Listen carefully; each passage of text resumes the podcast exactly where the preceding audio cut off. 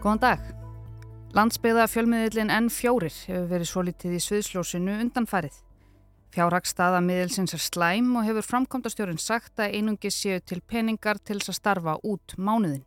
Meiruluti fjárlaga nefnda rákaða veita þeim 100 miljónar krónar styrk í desember en hætti svo við samdægurs. N4 var stopnað á Akureyri 2006 og er eini sjónvarpsmiðilinn sem starfar alfarið utan höfuborgarsvæðisins. Þau halda út í sjónvarpi, hlaðvarpi, internetrásum og svo gefa þau út auglýsingablaðið Dagskrána eða N4 blaðið. Framleyslan er mikil og áhorfið sumu leiðis. Þau skilgræna sig ekki sem fréttastöð, það er engin reittstjóri og þau ger ekki fréttir heldur segja sögur. Kostuð umfjöllun er stór hluti af starfsemi en fjöguram og hafa þau stundum verið gaggrínt fyrir gaggrínisleysi í umfjöllunum í því ljósi. Að þau séu ekki bara háð voldugum stórfyrirtækjum heldur eru þau í eigu þeirra líka. Ég heiti Sunna Valgeradóttir og landsbyggða fjölmiðla veldið N4 er á dagskrám í þetta helst í dag. Já, góðan daginn, kæri landsmenn. Við höldum áfram með förstudagsþáttinn og núna um helgin að fara fram bíladagar hér á Akureyri. Við ætlum að fara um Suðurlandið að skemmta okkur og ykkur og lendi allskynns æfintýrum. Ég er komin með ykkur hérna að Arnarstappa, höfnin í Arnarstappa. Ég vil meina að þetta sé fallegasta höfn landsins. Við förum sérsagt á Húsaröld og byrjum á Akureyri. Þetta er Stöðvarkongur, kuðungur sem fannst fyrst við strendur Stöðvarfjörðar árið 1959. Komið í sæl og verið velkomin í síðasta þáttina á Vestfjörðum. N4 skilgrinni sig sem landsbyggða miðil og dagskráin ber þess og sannarlega merki en digur barkaleg borgarbörn nættu að fara varlega í að kalla N4 lítinn fjölmiðil. Er það lítill fjölmiðil sem að býr til 388 en eru 400 þætti? Nei. Ég heiti Marja Björk Yngvadóttir og er framkvæmdastjóri á N4 Ég kom hérna inn 2013, mér var búið starf sem dagskrafgerðamæður. Ég hafði náttúrulega verið að vinna mikið í fjölmiðlum, alveg frá 1988. Við erum ekki bara á Norðurlandi, við erum á landsbyggðunum í fleirtölu. Við erum með höfustöðvarnar hér því að þessi stöð var stopnuð á Akureyri en við erum með starfstöðvar líka á Östurlandi og Vesturlandi Við erum líka að vinna á vestfjörðum og við erum að vinna á öllu Norðurlandi, Norrlandi vestra og eistra. Hver veit nefn að það komi mjög fljótt að því að við förum aftur á Suðurland. Ég útlulega heldur ekki að við förum nær höfuborginni.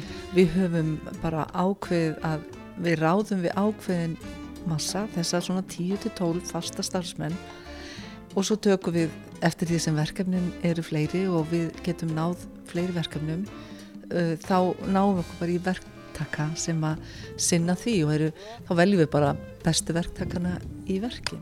Við erum komin á Möðuruvalli í Hörgardal og hér er að fara fram tökur á heiminlífandi og heiminlífandi er sem sagt badna þættir sem við erum að gera með biskupstofu um, með svona, já það er svona góðu gildin dreyn fram. Það eru ákveðin, ákveðin hryggjastykki og hryggjastykkin eru að þættirnir. Það er að norðan, að austan, að vestan og förstudagstátturinn. Það eru svona þeir sem hafa verið lengst og við erum með fast. Uh, Vitrastátturinn hans kalla landsbyggðir og þegar þátturinn minn og svo eru við svona, svo koma allskynns eh, verkefni.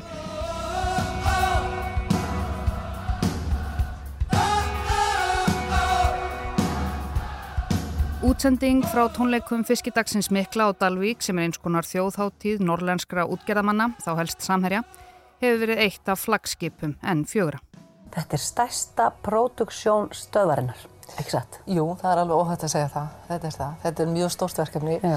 Og við erum að tala um alveg bara fullt af myndavillum, dróni, Já. krani. Þessi, þessi framleiðslan alltaf á tólningunum sko fyrir utan þetta frábæra sjó sem að, að Friðrik Góma setur á, setur á svið hana skil, með öllum þessu tónlistafólki. Það var náttúrulega framleiðslan í kringum bara að taka þetta upp alveg gigatísk sko. Þetta var viðtal á N4 2018 þar sem framkvæmdastjórin Marja Björk og framleiðslustjórin Stefán Friðrik Friðriksson rættu um fiskidaginn mikla þar sem hann var haldinn með pompi á prakt á Dalvík nokkrum dögum síðar og svo aftur að ári síðsumar 2019 þegar háttíðin fóð fram í 19. sinn. Þetta átt að vera góð upphittun fyrir alls herjar húlum hæ á 20 ára afmæli veistlunar 2020. En svo komu nokkur böpp í bátana eins og heimsfaraldur og samherjaskjöl Svo háttíðin var ekki haldinn 2020, heldur ekki 2021 og ekki 2022. Stjórn fiskidagsins saði síðasta vor þriðju frestunina hafa verið ákveðna eftir mikil fundahöld og að margir vilji mæta en séu en ekki reyðubúnir að vera í fjölmenni af óta við að smittast. Samfélagið hafi einfallega enn ekki jafnað sig. En Allsærjarfestival er þó í kortunum á Dalvik í ágúst.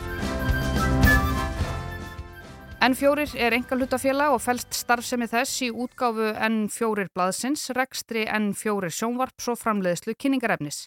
Félagir ekkur starfstöð á Akureyri. Þetta stendur í síðasta ársrekningi félagsins fyrir síðasta ár 2021. Hlutafar í batteríinu eru sjö talsins. Fjárfestingafélagið Urðir EHF er langstæsti hlutafinn og heldur á rúmlega 61% í N4. Urðir er í eigu bræðrana Rúnars og Sigþórs Þórissona sem eiga fjallalamb á Kópaskeri. Fjárfestingafélagið Vör HF á um 9%, það er Gunnþór Björn Ingvarsson, forstjóri síldarvinnslunar sem stendur fyrir því félagi og stærsti eigandi síldarvinnslunar er Samherji. Kaupfélag Skakfyrðinga á rúmlega 9%, KEA á annað eins og Akureyska bílalegan Höldur líka. Kaupfélag Fásklúsfyrðinga á 0,3% hlut í N4 og 5 EHF í meirhluta eigu Akureyringsins Þórarins Kristjánssonar á svo 1,6%.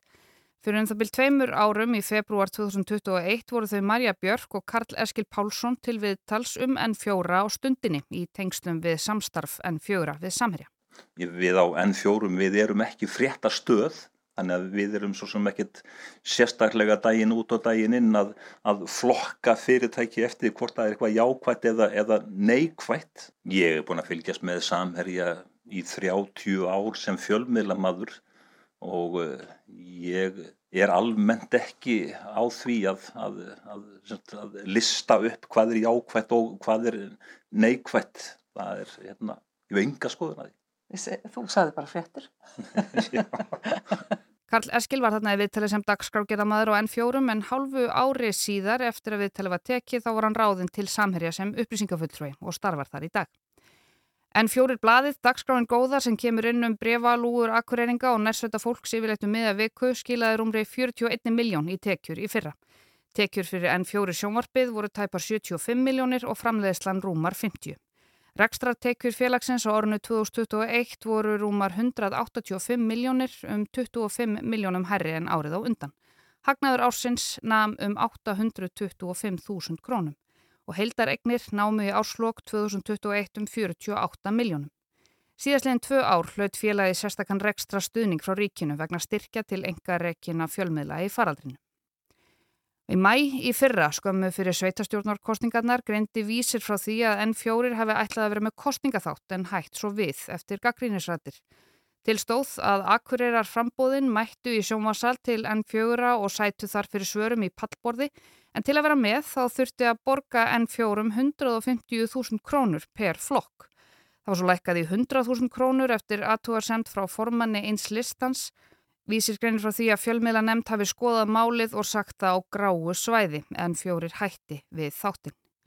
Og þann 8. desember síðastliðin var umfjöllunum en fjóra í kastljósi. Hvernig náðu þið að halda í óháða fréttamennsku þegar að efnið er kostað? Sko, við erum ekki í fréttum og ég vil alveg leggja aðal áherslu á það. Það væri mjög erfitt eins og bara er fyrir aðra fjölmiðla sem þurfa að reyða sig á kostanir hvað sem er í heiminum að geta sínt fram á þessu alveg frjálsir og óháðir.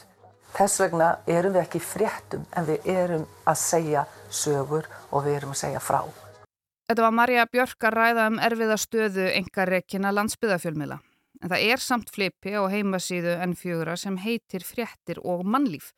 En eins og Jón Steindór Átnarsson, stjórnarformaður N4, sagði við MBL þegar hann var spurður hvort N4 líti á sig sem fréttamiðil Þá saðan að það væri svo litið erfitt að svara fyrir það nema að það sé skilgreynd fyrir hann hvað sé frétt. Eitt af mjögum frétt er eftirfarandi.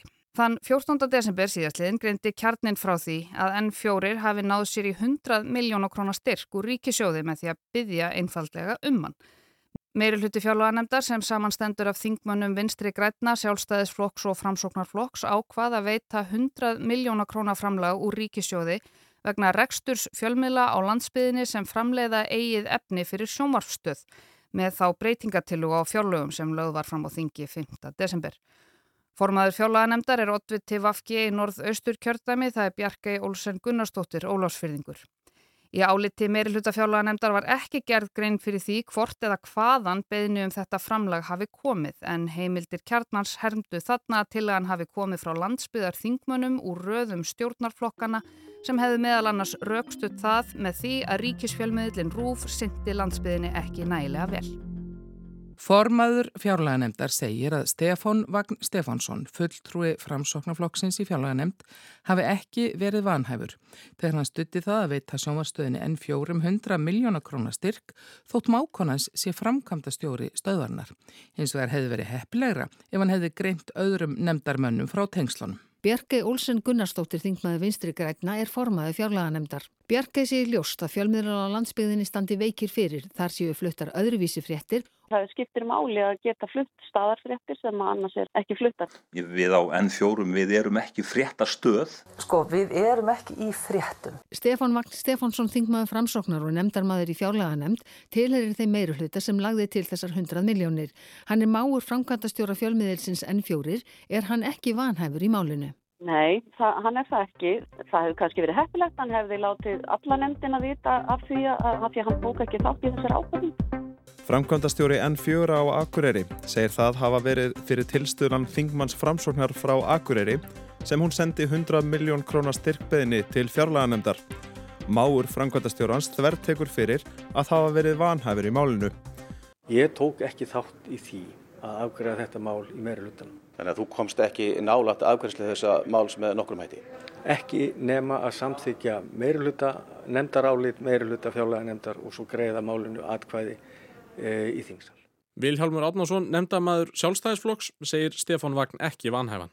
Nei, þar sem að þetta er bara almenn hækkun á fjarlagalið sem á svo eftir að, að deila útsankandi reglum menningamálar áðurnetisins Marja Björk Ingvadóttir, framkvæmdastjóri N4, segist hafa tala fyrir döfum eirum um þungan rekstur N4 í marga mánuði. Hún segir hins vegar að það hafi ekki verið Stefan Vagn, máur hennar til fjóra áratöga, sem veitti ákalli hennar eftirtekt, heldur Ingi Björg Ísaksen, flokksistir hans. Ingi Björg er þingmaður Norð-Austurkjördamis og fyrirverandi bæjarfulltrúi á Akureyri. Stefan Vagn hefur verið máum minn í 43 ár og ég er ekki svo vittlaus að ég fari að setja hann í þá aðstöðu að þurfa að fjalla um erindi frá enn fjórum. Hins vegar er ég búin síðan, já, allavega frá mars á þessu ári, að hrópa allstæðar hvað þessi erfitt að reka þennan fjölmiðil og hvernig horfurnar eru og það náði loksins eirum þingmanna og einn þeirra, sem, eða einn þeirra, heitir Ingeborg Ísaksen, hún hafði samband og sag, spurði mig í hverju vandin væri fólkinn og uh, vildi fá greiningu á því frá mér og ég skrifaði þetta bref uh, fyrir hennar orð. Stefan Vagn kom hverki nálagt því. Mér finnst þetta ekki í lægi. Ég að við værum að koma okkur út úr þessum vinnubröðum og mér finnst þessi ráðstöfun gera lítið úr þeirri vinnu sem á þeirra hefur þó verið að reyna að koma hér í gang með það að, að uh, hafa styrki og, og uh, aðferði til þess að Eh, styrkja rekstrargrunn fjölmiðla í heilsinni með svona aðeins skapleiri hætti heldur en verið hefur í gegnum tíðin. Og þetta er alveg óskiljanlegt að þetta sé tekið algjörlega úr þessu faglega ferli þar sem eru þrýr nefndarmenn í þessari útlutunarnemnd sem að fást við þetta ásamt fjölmiðlanemnd sem að tekur við umsóknum og, og, greinir, og greiðir þær úr uh, upplýsingum. Þannig að það eru þetta alveg ferlegt að þetta skulle vera afgreitt með þessum hætti hér rétt fyrir jól. Rætt varum tilugun á alþingi í morgun og Hanna Katrín Fridriksson, þingmaður viðrisnar, sagði hann að vera ekkert annað en neyksli. Kanski gerist þetta full hratt og menn voru ekki búin að nýta alla lausa enda en, en við bara björgum því. Var vanhafið þarna? Ég sé það ekki. Þetta var fjármálur á þeirra og formaður Blagamannafélagsins gaggrindi styrkveitinguna harlega líka og sagði við stöð 2 að svona ætti ekki að gerast í líðræðisríki að fjárlega nefnd alþingis hand velji fjölmiðla til þess að veita 100 miljónar krónar styrk sem sé fjórðungur af upphæðinni sem allir aðrir engareknir miðlar á Íslandi eigi að fá. Og um kvöldið var dreyið í land. Meiri hluti fjárlaganendar sendi frá sér álit þar sem stóð að í ljósi umræðu í fjölmiðlum sé því beint til ráþara Lilju Alfredsdóttur að endurskoða þær reglur sem gilda um rekstra stuðning við engarekna fjölmiðla á landsbyðinni þannig að aukið tillit verið tekil til þeirra sem framleiða efni fyrir sjónvarp. Þessum 100 miljónum sem áttu að fara til N4 er því ekki ráðstafað eins og tilstóð peningarnir skildur renna inn í styrkja kerfi fyrir enga rekna fjölmiðla sem verður útlutað á þessu ári. Og nú í byrjun nýs árs saði Marja Björk við Rúf að það sé einungist til fjármagn til þess að halda starfsemi N4 gangandi út mánuðin algjör óvisa ríki því um framhaldið og miðlinn leggist af ef þau fá ekki viðbúttar framlag. Og þannig er staðan núna. Ég heiti Sunna Valgeradóttir og N4 var helst hjá mér í dag Það er þetta nálgast þennan þátt og alla aðra þætti að þetta helst í spilar á rúf eða hvar sem þið viljið hlusta á hlaðvarp. Takk fyrir að leggja við hlustir og við heyrumst aftur á morgun.